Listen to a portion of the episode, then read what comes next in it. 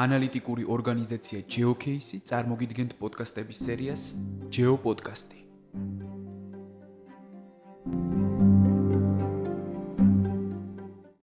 მოგესალმებით. თქვენ უსმენთ GeoPodcast-ს და მე მისი წამყვანი ბაჩო თორთლაძე ვარ. დღევანდელი ჩვენი თემა დაეთმობა საქართველოს ენერგოუსაფრთხოებას, ხოლო გადაცემის სტუმარია საერთაშორისო საკონსულტაციო კომპანია Deloitte-ის კვლევებისა და ინოვაციების მრჩეველი. აბერდინის უნივერსიტეტის ენერგეტიკის მენეჯმენტის მაგისტრი ავთო თოდუა. ავთო მოგესალმები და დიდი მადლობა გადაცემაში მოსვლისთვის. მადლობა ბაჩო მოწვევისთვის, მოგესალმები. ძალიან საინტერესო საკითხებზე უნდა ვისაუბროთ დღეს და საკმაოდ გრძნობიარე თემაზეც საქართველოსთვის. ბოლო პერიოდში ქვეყანაში მიმდინარე მოვლენებმა დაგვანახა თუ რამდენად მწვავედ დგას ეს საკითხი, თუმცა ჩვენი მიზანი იქნება დღეს რომ უფრო ფართო პროფესიულ ჭრილში შევაფასოთ საქართველოს ენერგეტიკული პოლიტიკა. მოდი დავიწყოთ პირველი შეკითხვით ენერგეტიკულ პოტენციალზე რო ვისაუბროთ ჩვენი ქვეყნის და საქართველოსში დღეს არსებულ მდგომარეობაზე. კი ბატონო, მადლობა შეკითხვისთვის. პირველ რიგში, როცა ენერგეტიკაზე ვსაუბროთ, ხშირ შემთხვევაში ჩვენთან საქართველოში ესეთი წარმოდგენა არის, რომ მარტო ელექტროენერგიაზე არის საუბარი და ჰესები და მოკლედ ამაში ხშირად შეცდომაში შედის ადამიანები. თუმცა ენერგეტიკა მოიცავს სხვა ენერგომატარებლებს, ენერგორესურსებსაც, როგორიც არის ნავთობი, გაზი, ქვანახშირი და ასე შემდეგ. სამწუხაროდ ჩვენი ესე ვთქვათ მდგომარეობიდან გამომდინარე საქართველოს არ აქვს დიდარი ნახშირწყალბადების რესურსები, როგორიც ანავთობი და გაზი, ასევე არ არის დიდი რაოდენობით ქვანახშირი, რომელიც შეგვიძლია ენერგეტიკული მიზნებისთვის გამოვიყენოთ. შესაბამისად, გვჩება მხოლოდ აა განახლებადი რესურსები, როგორც ძირითადი ენერგიის წყარო და ამ განახლებად რესურსებს შორისაც თავარი არის ჰიდრორესურსები, რომლის ეფექტიანად და ესე ვთქვათ, სწორად გამოყენება გვაძლევს იმის საშუალებას, რომ დავაბალანსოთ ის დეფიციტი, რაც ვთქვათ, ნახშირწყალბადებში გვაქვს. შესაბამისად, ქვეყანამ უფრო მეტი ესე ვთქვათ აქცენტი გადატანილი არის როგორც ჰიდრორესურსების განვითარებაზე და ამ მიმართულებით არის აგებული მთლიანად სახელმწიფო პოლიტიკაც ენერგეტიკის დარგში რომელიც 2015 წელს პარლამენტმა მიიღო. და მოიცავს ძირითადად ჰიდრორესურსების ენერგეტიკული ბაზრის განვითარებას კონკურენციის გაძლიერებას რაც შეეხება უშუალოდ პოტენციალს ძალიან როგორც ვახსენე ძალიან წირი პოტენციალი გვაქვს ნავთობი და გაზის მიმართულებით. რაც შეეხება ჰიდრორესურსებს, აქაც მიუხედავად იმისა, რომ ა ესე ვთქვათ ხშირად გვესმისო საქართველოს მდიდარია ჰიდრორესურსები და გვაქვს 26000-ზე მეტი მდინარე. ამ 26000 მდინარიდან მხოლოდ დაახლოებით 300-მდე მდინარე არის ენერგეტიკულად, ესე ვთქვათ, აქტიური მდინარე, რომელიც შეგვიძლია გამოვიყენოთ. თუმცა ამ 300 მდინარეში მხოლოდ ერთეული არის დაახლოებით 3 მდინარე ყველაზე ძლიერ, ესე ვთქვათ, დიდი პოტენციალის მატარებელი, რომელიცაც შეგვიძლია თქვათ დიდი რესურსები ავითვისოთ და ამ მდინარეებს დავეყნოთ. რაც შეეხება ჰიდრო პოტენციალს, ესიც დაახლოებით 20%-ამდე გვაქვს ათვისებული, როგორც ოფიციალური წყაროების მიხედვით, თუმცა ეს წყაროები ცოტა მოძველებული არის და განახლება საჭიროებს, მაგრამ სურათისთვის კარგი რიცხვი არის, რომ შევადაროთ ის განვითარებულ ქვეყნებს მაგალითად, როგორც არის ამ თუნდაც ჰიდრორესურსების მიმართულებით ნორვეგია, შვეიცარია, ავსტრია, რომელიც ერთ-ერთი წამყვანი ქვეყნები არიან სოფლიოში და მათი ასე ვთქვათ ელექტროენერგიის მიქსში რო შევხედოთ, ჰიდრორესურსები თამაშობენ ძალიან დიდ როლს. მაგალითად, ნორვეგია რო ავიღოთ, კი მართალია ჩვენს ფეროდ განვითარებული ქვეყანა, მაგრამ დაახლოებით 90%-ზე მეტი მათ ათვისებული აქვს საკუთარი ჰიდრორესურსების. შესაბამისად, ა მოკლე რაკურსით ეს არის ჩვენი ენერგეტიკული პოტენციალის შესახებ და მინდა ისევ ხაზი გაუსვა რომ თლიან რესურსში ჰიდრორესურსი თამაშობს ყველაზე დიდ როლს საქართველოს მდგომარეობიდან გამომდინარე. ავთო არსებულ საკითხზე რო გავაგრძელოთ საუბარი თუ გვაქვს მონაცემები რეალურად დღეს საქართველოს რა მოცულობის ელექტროენერგიას მოიხმარს მაგალითად და რა მოცულობა არის საჭირო იმისათვის რომ გულისხმობ ავტონომიურად წარმოებული იმისათვის რომ ამ მოცულობამ დააკმაყოფილოს დღეს არსებული მოთხოვნა ბაზარზე. აა მადლობა, საინტერესო კითხვა არის. აა რაც შეეხება მოხმარებას, მინდა აღნიშნო, რომ მზარდი მოხმარება არის ერთ-ერთი მთავარი ელექტროენერგიის მზარდი მოხმარება არის ერთ-ერთი ძირითადი გამოწვევა, რაც ჩვენი ქვეყნის წინაშე დგას. იქიდან გამომდინარე, რომ მოხმარება ისე იზრდება, შესაბამისი ადგილობრივი გენერაცია, ანუ წარმოება მას ვერ ეწევა და შესაბამისად გვაქვს დეფიციტი. რაც უნდა შევავსოთ ერთი ან იმპორტის მეშვეობით, ან დამატებით უნდა ავაშენოთ ახალი გენერაციის წყაროები. ბოლო 2020 წელს თუ არ ჩავთვლით, რომელიც პანდემიის წელი იყო, ესე თქვა და ყველაფერი შემცირდა როგორც ეკონომიკურის და ისევ ელექტროენერგიის მოხმარება, მანამდე დაახლოებით ბოლო 3 წლის განმავლობაში თითქმის 6%-ზე მეტი იყო საშუალო წლიური ზრდა. შესაბამისად, ამის შევსება გვიწევს ელექტროენერგიის იმპორტით მეზობელი ქვეყნებიდან. თქვენ მოგეხსენებათ, კარგად რა რეგიონში ვართ? მართალია ყველა ქვეყანასთან, მეზობელ ქვეყანასთან დაკავშირებული ვართ ელექტროგადამცემი ხაზებიდან, იქიდან ვახდეთ ელექტროენერგიის იმპორტს. თუმცა ეს ენერგეტიკული უსაფრთხოების ერთ-ერთი გამოწვევაც არის.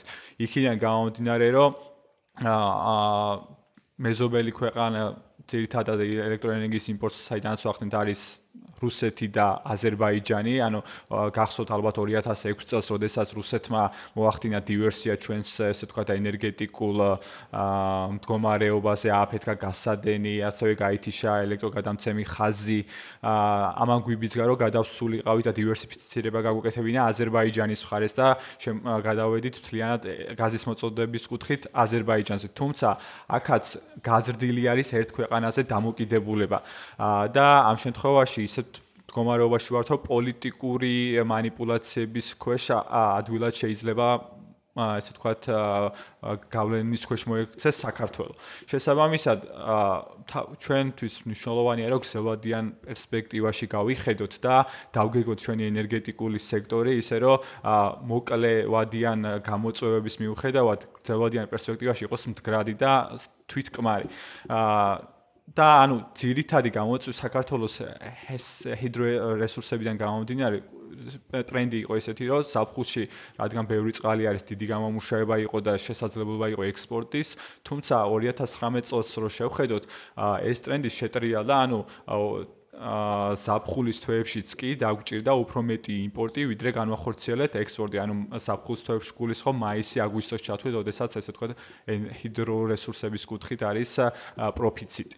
აქედან გამომდინარე, ეს მოხმარება და იმპორტის და არის ერთ-ერთი მთავარი გამოწვევა და ამას რაც შეიძლება კვეთრად კვეთრად კი არა და ანუ ეფექტიანად უპასუხოთ ადგილობრივი რესურსების განვითარებით. ძალიან საინტერესო თემა წამოჭერი ავთო ენერგოუსაფრთხოება. ეს თემა ძალიან მრავალფეროვანია, ბევრ ასპექტს მოიცავს. დაკავშირებული არის როგორც ქვეყნის სუვერენიტეტთან, ასევე ზოგადად ეკონომიკურ პოლიტიკასთან დგრად განვითარებასთან. აი უფრო მეტად რო ჩავშალოთ და აუხსნათ კარგად ჩვენს მსმენელებს, რომლებიც დაუშვათ შეიძლება პროფესიული კუთხით კარგად ვერ ერკვევიან აღნიშნულ საკითხში, ისევე როგორც მე, რა მნიშვნელობა აქვს ენერგოდამოუკიდებლობას და დღევანდელ სამყაროში, ასეთ ეს ვთქვათ, ასიმეტრიული რისკების პერიოდში. რა რატომ არის აუცილებელი რომ ქვეყანას კონდეს ენერგიის საკუთარი წყაროები და არ იყოს დამოკიდებული სხვა თუნდაც კარგი კარგი ამ შემთხვევაში პირობითად მეზობლის ასე ვთქვათ მიერ მოწოდებულ ელექტრო ან სხვა სახის ენერგიაზე. მადლობა შვენიერ შეკითხვისთვის. ენერგეტიკული უსაფრთხოება არის ერთ-ერთი მთავარი ფაქტორი, რითაც ქვეყნის ენერგეტიკული მდგომარეობა განისაზღვრება. არის ესეთი საერთაშორისო ინდექსი ენერგეტიკული ტრილემა, რომელიც მოიცავს სამ ძირითად განზომილებას. ერთი არის მიწოდების უსაფრთხოება, მეორე არის ენერგეტიკული თანასწორობა და მესამე არის გარემოსადმი მდგრადობა. ანუ ეს სამი კომპონენტი ჯამში განსაზღვრავს ქვეყნის მდგომარეობას ენერგეტიკული მიმართულებით. აქ უსაფრთხოებასთან დაკავშირებით ენერგეტიკული მიწოდების უსაფრთხოება რაც გულისხმობს საერთაშორისო საერთაშორისო ამ შეფასებით საქართველოს 128 ქვეყანას შორის არის დაახლოებით 77. თუ აი ევროპის ჭრილში რო შევხედოთ, ევროპის ჭრილში 53 ევროპის ქვეყნიდან ვართ მე-40 ადგილზე. ა ეს იმას მიუნიშნებს რომ მიან ეს იმაზე მიანიშნებს რომ მიწოდების უსაფრთხოების კუთხით საქართველოს აქვს ძალიან დიდი გამოწვევები. და ეხლა რატომ არის მნიშვნელოვანი ენერგეტიკული უსაფრთხოება? ენერგეტიკული უსაფრთხოება გადის ეროვნულ უსაფრთხოებაზე. იქიდან გამომდინარე რომ ეს არის ენერგეტიკა არის და ენერგორესურსები როგორც ქვეყნის ასევე ადამიანების ძირითადი მოხმარების ესე თქვა წყარო და არსებობისთვის აუცილებელი. თუ გვინდა რომ ეკონომიკა განვითარდეს აუცილებელია რომ მას ენერგეტიკული რესურსების მიწოდებაც თან მიყვებოდეს. აა როგორც ან კვლევებმა ჩვენა თლიანი შიდა პროდუქტისა და ენერგეტი ანუ ელექტროენერგიის მოხმარება ერთეულოვანი ელასტიკურობა ახასიათებს. ანუ რას ნიშნავს ეს? თუ გვინდა რომ ჩვენი ქვეყნის თლიანი შიდა პროდუქტი 1%-ით გაიზარდოს, უნდა ველოდოთ რომ ელექტროენერგიის მოხმარებას შესაბამისად გაიზრდება. ეს იმას ნიშნავს რომ თუ გვინდა რომ ენერგეტიკა, ანუ ეკონომიკა განვითარდეს, მას შესაბამისად ენერგეტიკის განვითარებას უნდა მიყვებოდეს თან. აა ეხლა საქართველოს პირობებში ამ გეოპოლიტიკურ სიტუაციაში ენერგეტიკული უსაფრთხოება კიდევ უფრო დიდ მნიშვნელობას იღებს, იქიდან გამომდინარე, რომ არასტაბილურ გარემოში ვართ, ვართ პოლიტიკური რისკების ქვეშ და გრძელვადიან პერსპექტივაში ამ პოლიტიკური რისკების და ენერგეტიკის ერთმანეთთან თანხვედამ შეიძლება ძალიან დიდი საფასურის გადახდა მოგვიწიოს მომავალში. ჩვენ რო ვიყოთ მაგალითად ცენტრალურ ევროპის ან დასავლეთ ევროპის ქვეყანა, რომლებიცაც მეზობელ ქვეყნებთან თუნდაც მშვენიერი ურთიერთობა აქვთ ხო ენერგეტიკული პოლიტიკური, მაგ შემთხვევაში შეიძლება კიდე ამაზე ძალიან დიდი ყურადღება არ გავამახვილოთ, მაგრამ მიუხედავად ამისა, ეს ქვეყნებიც უკვე დღეს პანდემიიდან გამომდინარე და ყველაფერი, ცდილობენ რომ თვითკმარი გახდეს. თვითკმარობა რას ნიშნავს, რომ შენ მაქსიმალურად ეფექტიანად აითვისო ის რესურსი, რაც გაქვს შენ შენი ქვეყნის შიგნით. და უპასუხო იმ გამოწვევებს, რაც გარე გამოწვევები არის, ეს ეს არის იმპორტის ზრდა, აა რესურსების ეფექტიანად გამოყენება, აი მაგალითად ჩვენ რაც არ უნდა ვეცოდოთ, ეხლა მართალია დაიწყე შავზღვაში ავტობუსის ზებნაძიების სამუშაოები, თუმცა ჩვენ რაც არ უნდა ვეცოდოთ მინიმუმ 10-15 წლის პერიოდში იქნება და სასწაული მოხდეს და რაღაც დიდი რესურსები აღმოაჩინოთ შავზღვაში, მაგრამ აა წიაღისეულის მიმართულებით თვითკმარი ვერ გავხდებით. ანუ ეს უნდა დავაბალანსოთ ალტერნატიულად რაღაცა ადგილობრივი რესურსებით. ამ შემთხვევაში ჰიდრორესურსებით. აა და თავარი ასევე არის, რომ ენერგეტიკული უსაფრთხოების კუთხით აა ეს თუნდაც ნავთობსაწვავები, ნავთობ პროდუქტები, რომლებიც არის бенზინი, ბენზინი, დიზელი და ასე შემდეგ, არის ყველაფერი იმპორტირებული. ენერგეტიკულ ბალანსს რო შევხედოთ საქართველოს ენერგეტიკულ ბალანსს და არა ელექტროენერგიის ბალანსს 80%-ზე მეტი არის იმპორტირებული ენერგია. ანუ ეს ნიშნავს რომ ჩვენ საკუთარი თვითკმარი ვართ 20%-ით ენერგეტიკული რესურსებს რო შევხედოთ. შესაბამისად, საჭირო არის რომ ამის რაღაცნაირად ბალანსირება მოვახდინოთ, სადაც შეგვიძლია. და ამ მიმართულებით აუცილებელია ჩვენ ამ სვენელმაც და ზოგადად საზოგადოებასაც მივაწოდოთ ის ინფორმაცია, რა გამოწვევების წინაშე ვართ, რა რესურსები გაქვს, სად შეგვიძლია გავძლიერდეთ და რატომ არის მნიშვნელოვანი აა იმაზე საუბარი, რომ ავითვისოთ ჰიდრორესურსების სწორად ავითვისოთ მდგრადი განვითარების მიზნებიდან გამომდინარე, როგორიც არის ხო, გაეროს 17 მდგრადი განვითარების მიზანია და ერთ-ერთი არის სუფთა ენერგია, გარემოსადმი მდგრადობა და ასე შემდეგ, ხო? ანუ მნიშვნელოვანი არის, რომ ამ ფაქტორების გათვალისწინებით სწორად განავითაროთ ჩვენი ადგილობრივი რესურსები ამ შემთხვევაში. რაც პირდაპირ პასუხობს ენერგეტიკულ უსაფრთხოებას და მეზობელ ქვეყნებზე დამოკიდებულების რისკის შემცირებას. ავტო ძალიან საინტერესო საკითხი ახსენე კოვიდი და ჩვენ ბუნებრივია ისეთ ეპოქაში გვიწევს ახლა ცხოვრება, რომ ამ საკითხს ვერ გავექცევით სამწუხაროდ. ალბათ თანხდებით იმაზეც, რომ კოვიდმა გლობალურად შეცვალა რეალობა და ეს მათ შორის აისახა ენერგეტიკულ მიმართულებაზეც. რამდენადაც შენ ახსენე და თუ არ მეშლება ცალკეული მიმართულებებით მოხმარება შემცირდა და ცალკეული მიმართულებით პირიქით გაიზარდა. აი ზოგადად ენერგოუსაფრთხოების კონტექსტში რა გავლენა ქონდა COVID-19-ს? უფრო სწორი იქნება თუ ვიტყვი რა გავლენა აქვს დღემდე?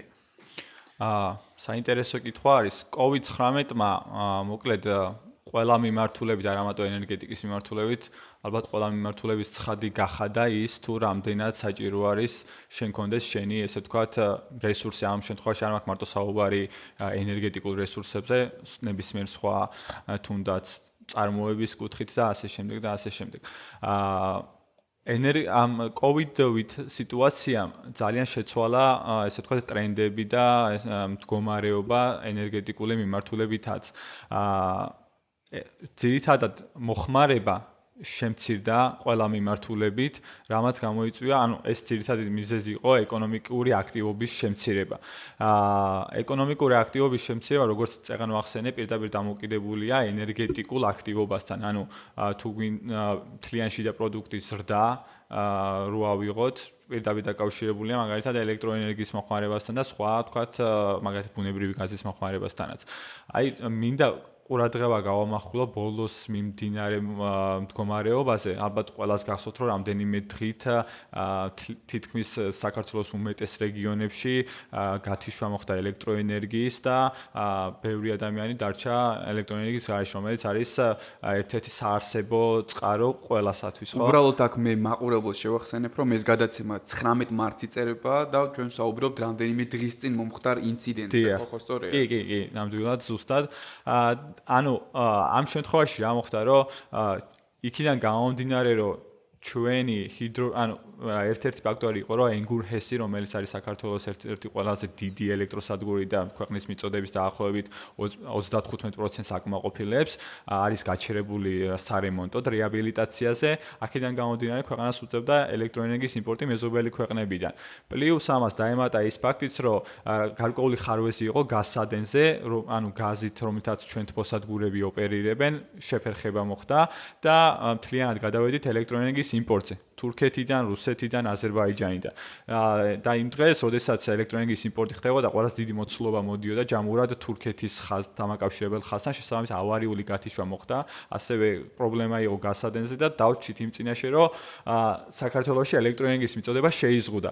იქიდან გამომდინარე, რომ ქსელის ესე თქვა სტაბილურობა მომხდარიყო, გაიჩიშა რაღაც გარკვეული რაოდენობა და ძალიან დიდი რაოდენობა აბონენტების. ამან კიდევ ერთხელ დაგვანახა და დაგვაყენა იმ ფაქტის წინაშე, თუ რამდენად მნიშვნელოვანია, რომ ენერგეტიკული უსაფრთხოების კუთხით საქართველოს უფრო გაძლიერდეს, ადგილობრივი რესურსები მაქსიმალურად კონდეს ათვისებული და ამ პოსტ ან კოვიდ პანდემიის პერიოდშიც იმ დროს, ოდესაც შეიძლება სხვა ქვეყნებიც ამ შემთხვევაში ანუ ის ჩაკეტილ რეგიონში ვართ, არ გვაქვს პირდაპირ კავშირი მაგალითად ევროკავშირთან და ნებისმიერ დროს იგივე სცენარი შეიძლება განმეორდეს, როგორც განმეორდა მაგალითად არამოდენიმე დღის წინ ტექნიკურად, ან იგივე სცენარი რაც განმეორდა 2006 წელს.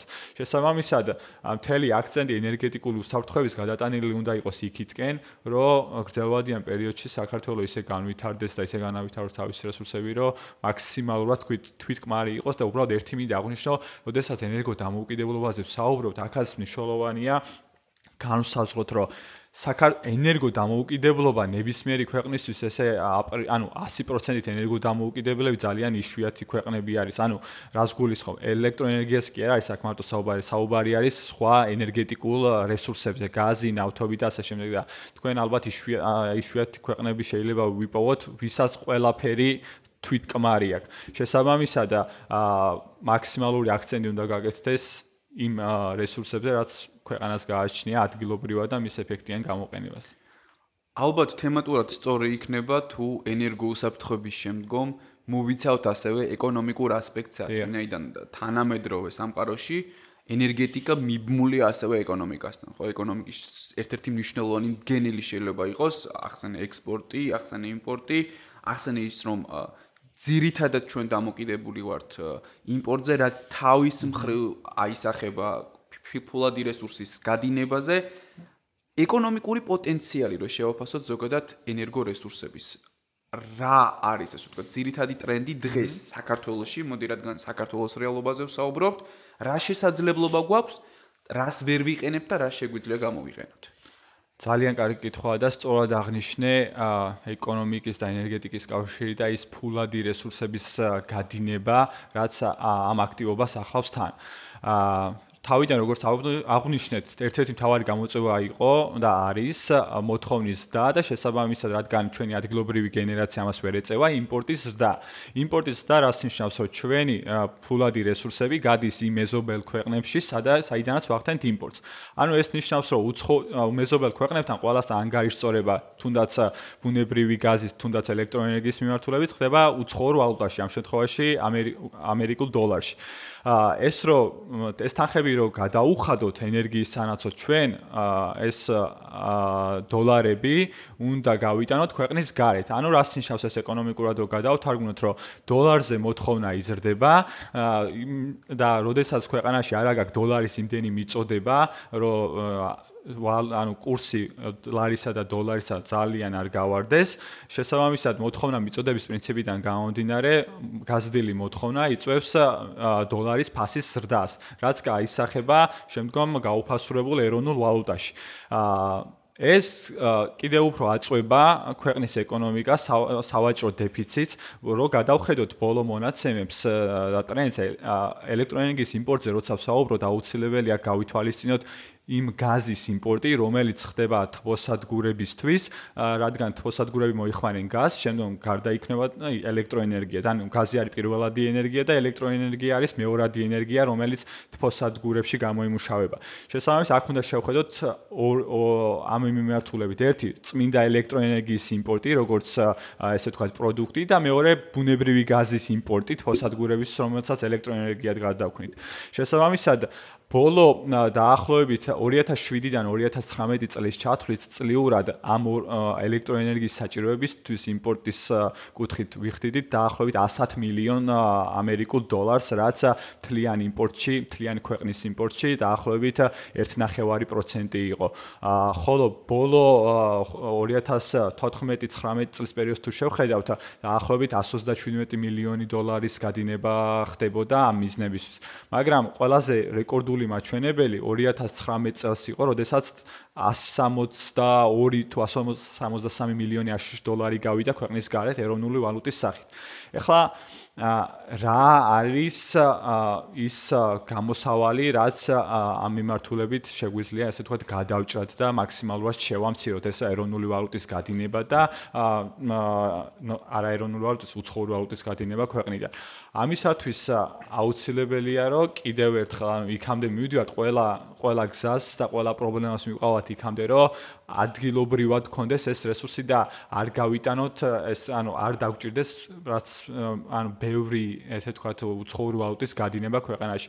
და თავარი აქ შევადაროთ ორი რამ. ერთი როდესაც ვახორ ხშირად არის საუბარი რომ აი იმპორტი ჯდება 5 ცენტი პირობითად და ჩვენ აქ უცხოელ ინვესტორს რომელიც აქ აშენებს უნდა გადაუხადოთ დაახლოებით 6-6.2 ცენტი და რადგან ეს უფრო ძვირი არის პირდაპირ იმპორტ შემოვიდეთ მაგრამ აქ უნდა შევხედოთ ცოტა კომპლექსურად. როდესაც იმპორტში 5 ცენტს ვიხდით, ეს ჩათვალეთ, რომ ეს 5 ცენტი, აი, თლიანად გადის საზღვარგარეთ. მაშინ როცა აქ შიდა ბაზარზე გადახდილი ეს 6 ცენტი თუნდაც დამატებული ღირებულებას ეკონომიკაში უფრო მეტს ქმნის, ვიდრე ეს იმპორტში გადახდილი ელექტროენერგია, გადახდილი უცხოური ვალუტა. აა ჰესების შემთხვევაში ეკონომიკურად რო შევხედოთ, დამატებული ღირებულებას ჰესი ქმნის დაახლოებით 76%. ანუ რას ნიშნავს ეს, რომ ყოველი 1 დოლარის გამომუშავებაზე 76%, ანუ 76 ცენტი ქვეყნის ეკონომიკაში ტრიალდება. ეს იმ შემთხვევაში, ანუ ძალიან ცუდ შემთხვევაში, როდესაც ინვესტორი არის უცხოელი და იქ შეიძლება ეს დივიდენდი გაიტანოს, ანუ უცხოური ვალუტა გავიდეს ამ მიმართულებით.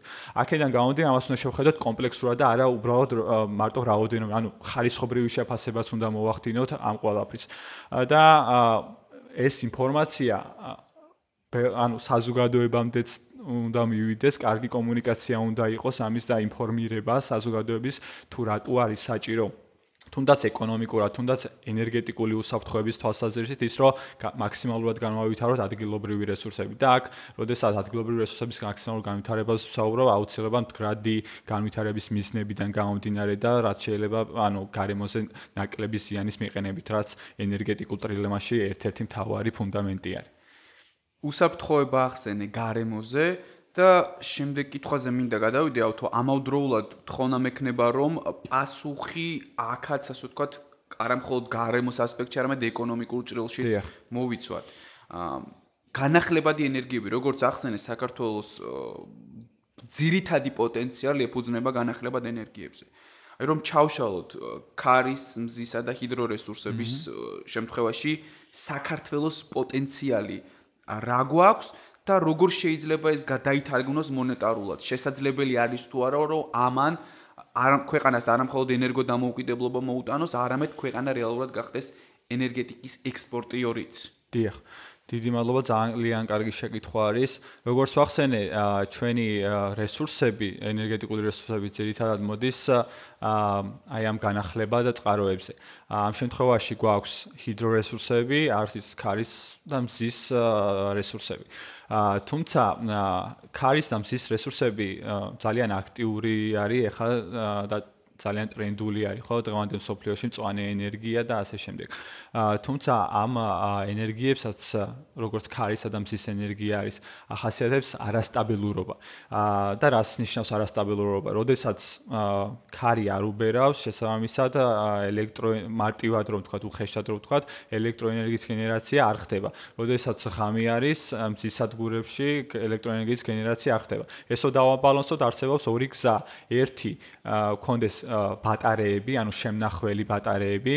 ეხა ტესლას გიგაფაქტორი აწარმოებს ძალიან დიდი მასშტაბით ამ ბატარეებს, თუმცა ეს პროექტის ღირებულებას კიდევ უფრო აძვირებს და მეორე ალტერნატივა არის კონდეს ისეთი სადგურები, ანუ საბაზისო სადგურები, რომელსაც შეუძლიათ ენერგიის შენახვა. ამ შემთხვევაში საუბარი მაქვს ისეთ ჰიდროელექტროსადგურებზე, რომლებსაც შეუძლიათ დააგროვონ წყალი. წყლის დაგროვება ხდება კაშხლის მეშვეობით, ანუ კაშხალს კაშხალი სადაც შეგიძლია წყალი დააგროვო და აა როდესაც მაგათ შეგიძლია პიკში გამოიყენო ან როდესაც მაღალია მოთხოვნა და ელექტროენერგიის ფასის შესაბამისად მაღალია ეს დაგიბალანსებს იმას რომ იმ პერიოდში როდესაც პიკი არის და იმპორტს ვახორციელებთ თუნდაც მეზობელი ქვეყნებიდან ყოველ საათში ელექტროენერგიის ღირებულება სხვადასხვა შესაბამისად პიკში ყველაზე ძვირი არის ელექტროენერგია. ანუ ეს გადაგვიჭირდა იმ პრობლემას, რომ ეკონომიკურადაც აა რაც შეიძლება ნაკლები ესე ვთქვათ გავლენა მოახდინოთ ანუ ცხოვრვალობის გადინებაზე. პლუს ამას მაქსიმალურად ხელი შეუწყოთ მზისა და ქარის სადგურების განვითარებას საბაზისო ჰიდროელექტროსადგურების განვითარებით, ანუ ეს ყველაფერი უნდა მოხდეს კომპლექსურად. რაც შეეხება პოტენციალს, აა ქარის და მზის სადგურების პოტენციალი შეფასებული არის აი ძალიან ძველი მონაცემებით რა. ახალი განახლება, განახლებული მონაცემები არ არის, ანუ არ ჩატარებულა კომპლექსური კვლევა, რომელიც მთელი საქართველოს მასშტაბით შეიცავდა მზის ელექტროენერგიის, ესე ვთქვათ, რესურს, ქარის რესურსებს. მართალია ყველაზე მე დიდი კვლევა და ესე თქვა ინფორმაცია მაინც ჰიდრორესურსების მიმართულებით არის, თუმცა აქ ხაზი მინდა გავუსვა, რომ ქარის და მზის ელექტროენერგიის გამოყენება ესე ცალკე განდგომილად ვერ მოხდება თუ არ განვითარდა პარალელურ რეჟიმში ჰიდრორესურსები, ანუ კაშხლის საბაზისო ელექტროსადგურები, რომელიც ავტომატურად ეკონომიკას რო დაუკავშიროთ, გადაიქმნება და გადაითარგმნება იმაში, რომ შენ ადგილობრივად მეტ ენერგიას აწარმოებ, ნაკლები იმპორტის განხორციელება გიწევს, ნაკლებად გიწევს უცხოური ვალუტის ამ შემთხვევაში დოლარზე მოთხოვნის ზრდა და წნეხი, რომელიც გადის მეზობელ ქვეყნებში და ამით კიდევ უფრო აჯანსაღებ ან ხელს არ უშლი, ესე ვთქვათ, ეკონომიკის განვითარებას ამ შემთხვევაში ვალუტის გაუფასურებას, რომელიც შემდეგ აისახება მთლიანად ნებისმიერ სხვა პროდუქტებზე.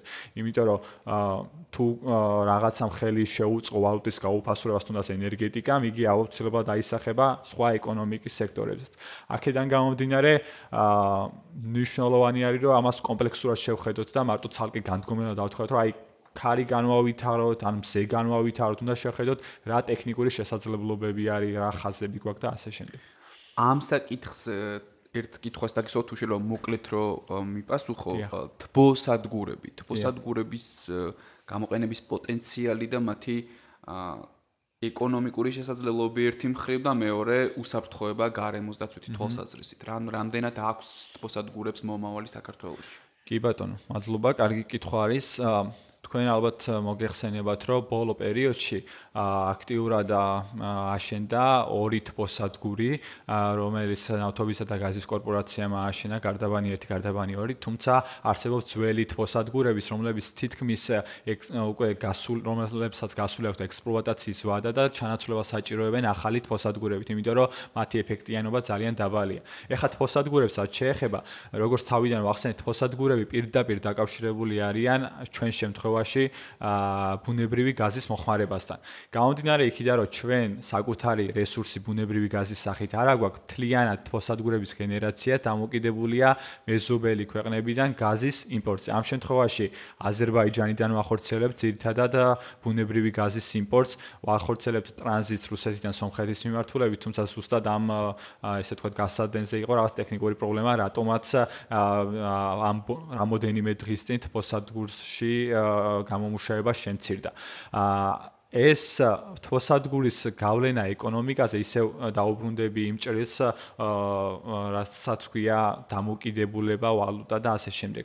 აა თოსადგურებში გადახდელი თოსადგურების საჭირო ბუნებრივი გაზში გადახდელი თანხა იგივე არის როგორც იმპორტი ელექტროენერგიის. ანუ მეზობელი ქვეყნიდან ყიდულობთ თოსადგურებს ბოდიში ბუნებრივ გაზს და მოვიხმართ თოსადგურებში.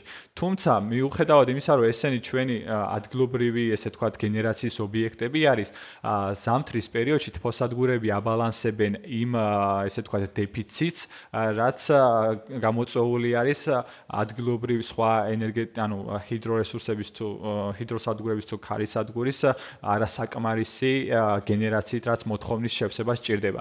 შესაბამისად, თბოსადგურები არიან როგორც შემავსებლები იმ დეფიციტის, ას ადგილობრივ გენერაციასა და მოხმარებას შორის არსებობს. თუმცა ასევე მინდა ხაზი აქვე მინდა ხაზი გავსვა, რომ ეს არის იგივე იმპორტირებული ენერგია. აა რა თქმა უნდა, როგორც ვიცი, არის გეგმა, რომ კიდევ დაამატონ თბოსადგურები, თუმცა დამატებულ თბოსადგურს ჭირდება დამატებული ბუნებრივი გაზის გამოყენება, რაც კიდევ დამატებული წნეხი არის ეკონომიკაზე ვალუტის კუთხით, ვალუტის გადინების კუთხით და სავაჭრო ანუ ესე ვთქვათ ბალანსის მიმართულებით. და საუბრის ბოლოს, რა თქმა უნდა, შეკითხვა, რომელსაც გვერდს ვერ აულით, ჰიდროელექტროსადგურები, ჰესები. დიახ. ძალიან დიდი უკმაყოფილება გამოიწვია საზოგადოებაში ბოლო პერიოდში ერთ-ერთი დიდი ჰესის მშენებლობამ საუბარი მაქვს ნამახვან ჰესზე. მე არ მინდა რომ კონკრეტულ ჰესებზე ვისაუბროთ, ავთო უბრალოდ ზოგადად რომ ჩავშალოთ ეს თემა, სჭირდება თუ არა ქვეყანას დიდი ჰესები, არ ვიცი რამდენად სწორად ვახდენ შეკითხვის ფორმულირებას. არს აქვს თუ არა ჰეს დიდ ჰესებს ალტერნატივა ქვეყანაში და რომ შევაფასოთ სარგებელი და ზიანი პოტენციური რამდენად იხრება ეს ბალანსი სარგებლისკენ. აა ძალიან კარგი შეკითხვა არის და ანუ სწორად ფორმულირებული შეკითხვა არის, რომ ანუ ერთ კონკრეტულ ინფრასტრუქტურულ პროექტზე ამ შემთხვევაში ერთ კონკრეტულ ჰესზე არ მოახდინოთ აქცენტის გაკეთება. აა ერთის ანუ აქ მინდა ესე ვთქვათ აა ხაზ ეს წყალგამყოფი კითხვა დავსვათ ხშირად არის შეკითხვა აშ გვინდა თუ არ გვინდა ჰესები. აქ უბრალოდ ეს კითხვა არც უნდა ისმებოდეს და ამაზე პასუხი არის რა თქმა უნდა საჭირო არის და გვინდა. იქიდან გამომდინარე ჩვენ უკვე ვისაუბრეთ ამ მთელი რაკურსის განმავლობაში ხო? რატო არის საჭირო? ანუ ამ ყველაფერმა ამ წინა საუბრებმა მიგვიყვანა იმ პასუხამდე, რომ საჭირო არის ჰესების განვითარება საქართველოში. იქიდან გამომდინარე, რომ ერთადერთი ალტერნატიული წყარო გაქვს ადგილობრივი, რომელიც უნდა განავითარო. ხშირად საუბრობენ იმაზე, რომ აი ენერგოეფექტურობა გამოვიყენო და შევამციროთ მოხმარება, რომ არ დადგეს იმის საჭიროება, რომ დიდი ჰესები აშენდეს. თუმცა ამ შემთხვევაში მე ამ მოსაზრებას ვერ დავეთანხმებოდი, იქიდან გამომდინარე, რომ აი თუ გვინდა რომ განახლებადი რესურსები მთლიანად დავითვისოთ, რომელიც არა მარტო ჰიდროელექტროსადგურები არის, არამედ არის ქარი და მზის სადგურები. ამათ ამათ განვითარებას თან უნდა მისდევდეს, როგორც თქვი, ჰესების განვითარება. ამ შემთხვევაში ჰესები არის გარკვეული ტიპის, არის მოდინებაზე მომუშავე ჰიდროელექტროსადგურები, რომელიც ჩათვალე რო არის იგივე რაც ქარის ამ მზის სადგური, იმიტომ რომ ისიც ცვალებადია და ამინდის ესე ვთქვათ მდგომარეობაზე არის დამოკიდებული თუ წვიმა არის ან ვთქვათ უხვინალობა უხვინალექი. არის შესაბამისად გაკ გენერაცია. თუ არა და არაფერი გენერაცია არ გაქვს ესე უხეშად რო ვთქვა ეხლა და ამას მიუყავართ შემდეგ ნაბიჯამდე და იმ კითხვამდე გვჭირდება თუ არა დიდი ჰესი და კაშხლიანი ჰესები. აა შესაბამისად მივდივართ იქამდე რომ გვჭირდება. ანუ რატო გვჭირდება? იმიტომ რომ აა კაშხლიანი ჰესები არის ერთ-ერთი ალტერნატივა ენერგიის შენახვის დაგროვების და ამ სხვა განახლებადი ენერგიის წყაროების, როგორც არის ქარისა და მზე, ამათი ქსელში ინტეგრაციისთვის. ანუ აა საბოლოო ჯამში აუცილებელია რომ განვაზოგადოთ და არ ვისაუბროთ კონკრეტულ პროექტზე, ნებისმიერ პროექტის განხორციელების შემთხვევაში არ აქვს მნიშვნელობა ის იქნება ჰესი თუ რაღაცა გზა, აუცილებელი ნებისმიერ ინფრასტრუქტურული პროექტი. აუცილებელია ხარჯ-სარგებლიანობის ანალიზის გაკეთება, რომელიც არა მარტო პროექტის დაფინანსებას გულისხმობს, არამედ სხვა ისეთ არამატერიალურ ხარჯებს, როგორც არის ბუნებაზე გავლენა, სოციალური, ესე ვთქვათ, ზემოქმედება იმ რეგიონზე თუ ესე მოს მოსახლეობაზე, რომელიც იქ ცხოვრობს. აქედან გამომდინარე, აუცილებელია სწორად შეფასდეს კონკრეტული ნებისმიერი პროექტის როგორც ხარჯი, ასევე სარგებელი. აა ჩვენ ერთ-ერთი კვლევა გავაკეთეთ განათლების საერთაშორისო ცენტრის კურსდამთავრებულთა ასოციაციისა და კომპანია Gross Energy ჯგუფის ერთობლივი ესე თქვათ ძალისხმევით კვლევა განხორციელდა ენერგეტიკულ უსაფრთხოებასა და ადგილობრივი რესურსების ეკონომიკური გამოყენების ანალიზთან დაკავშირებით. რამაც აჩვენა რომ თუ განვავითარებთ ადგილობრივად ამ ჩვენს ჰიდრორესურსებს და იმ პროექტებს, რაც უკვე დაგეგმილი არის და ხელმოწერილი არის, უფრო მეტი ეკონომიკური ეფექტი, დადებითი ეფექტი აქვს, ვიდრე მათი არაშენების შემთხვევაში, თლიანში და პროდუქტთან მიმართებაში და როგორც ვახსენეთ, უცხოურ ვალუტასთან მიმართებაში, რაც კიდევ ზრდის წნეხს ეკონომიკურ განვითარებას. აქედან გამომდინარე, მარტივად მარტივად რო გიპასუხო აუ საჭირო არის, მაგრამ უნდა მოხდეს მისი სწორად შეფასება, ხარჯსარგებლიანობის გაკეთება, რამდენ რა სარგებელი მოაქვს და რა თქვა პირობითად ზიანი მოაქვს და როდესაც პროექტი რა თქმა უნდა პროექტის სარგებელი გადაწონის პროექტის ესე თქვა ზიანს ალბათ და ყველა საღიაზრზე ყოფი ადამიანი უნდა ემხრობოდეს ასეთი პროექტების განვითარებას. ძალიან დიდი მადლობა ავთო. გონია რომ უაღრესად საინტერესო და საჭირო საკითხებს შევეხეთ დღეს. რასაკვირველია თემა იმდენად მოცულობითია, რომ ამის ამოწურვა ჩვენი გადაცემის ქრონომეტრაჟში ალბათ შეუძლებელია, თუმცა დარწმუნებული ვარ, რომ დიდი დოზით მივაწოდეთ ინფორმაცია ჩვენ სმენელს და ბევრ საკითხზე შევძელით, რომ სხვა კუთხით დაგვენახებინა მათთვის არსებული რეალობა და შესაძლებლობები. დიდი მადლობა გადაცემაში მოსვლისთვის. მადლობა შენ. დიდი მადლობა მოწვევისთვის და იმედია აი ეს ინფორმაციები კიდე სხვა წყაროებითაც გავრცელდება მოსახლეობაში. მადლობა. მეც ამის იმედი მაქვს. სმენელსკი შევახსენებ, რომ თქვენ უსმენთ ანალიტიკური ორგანიზაცია GeoCase-ის გადაცემას GeoPodcast-ი. მომავალ შეხვედრამდე.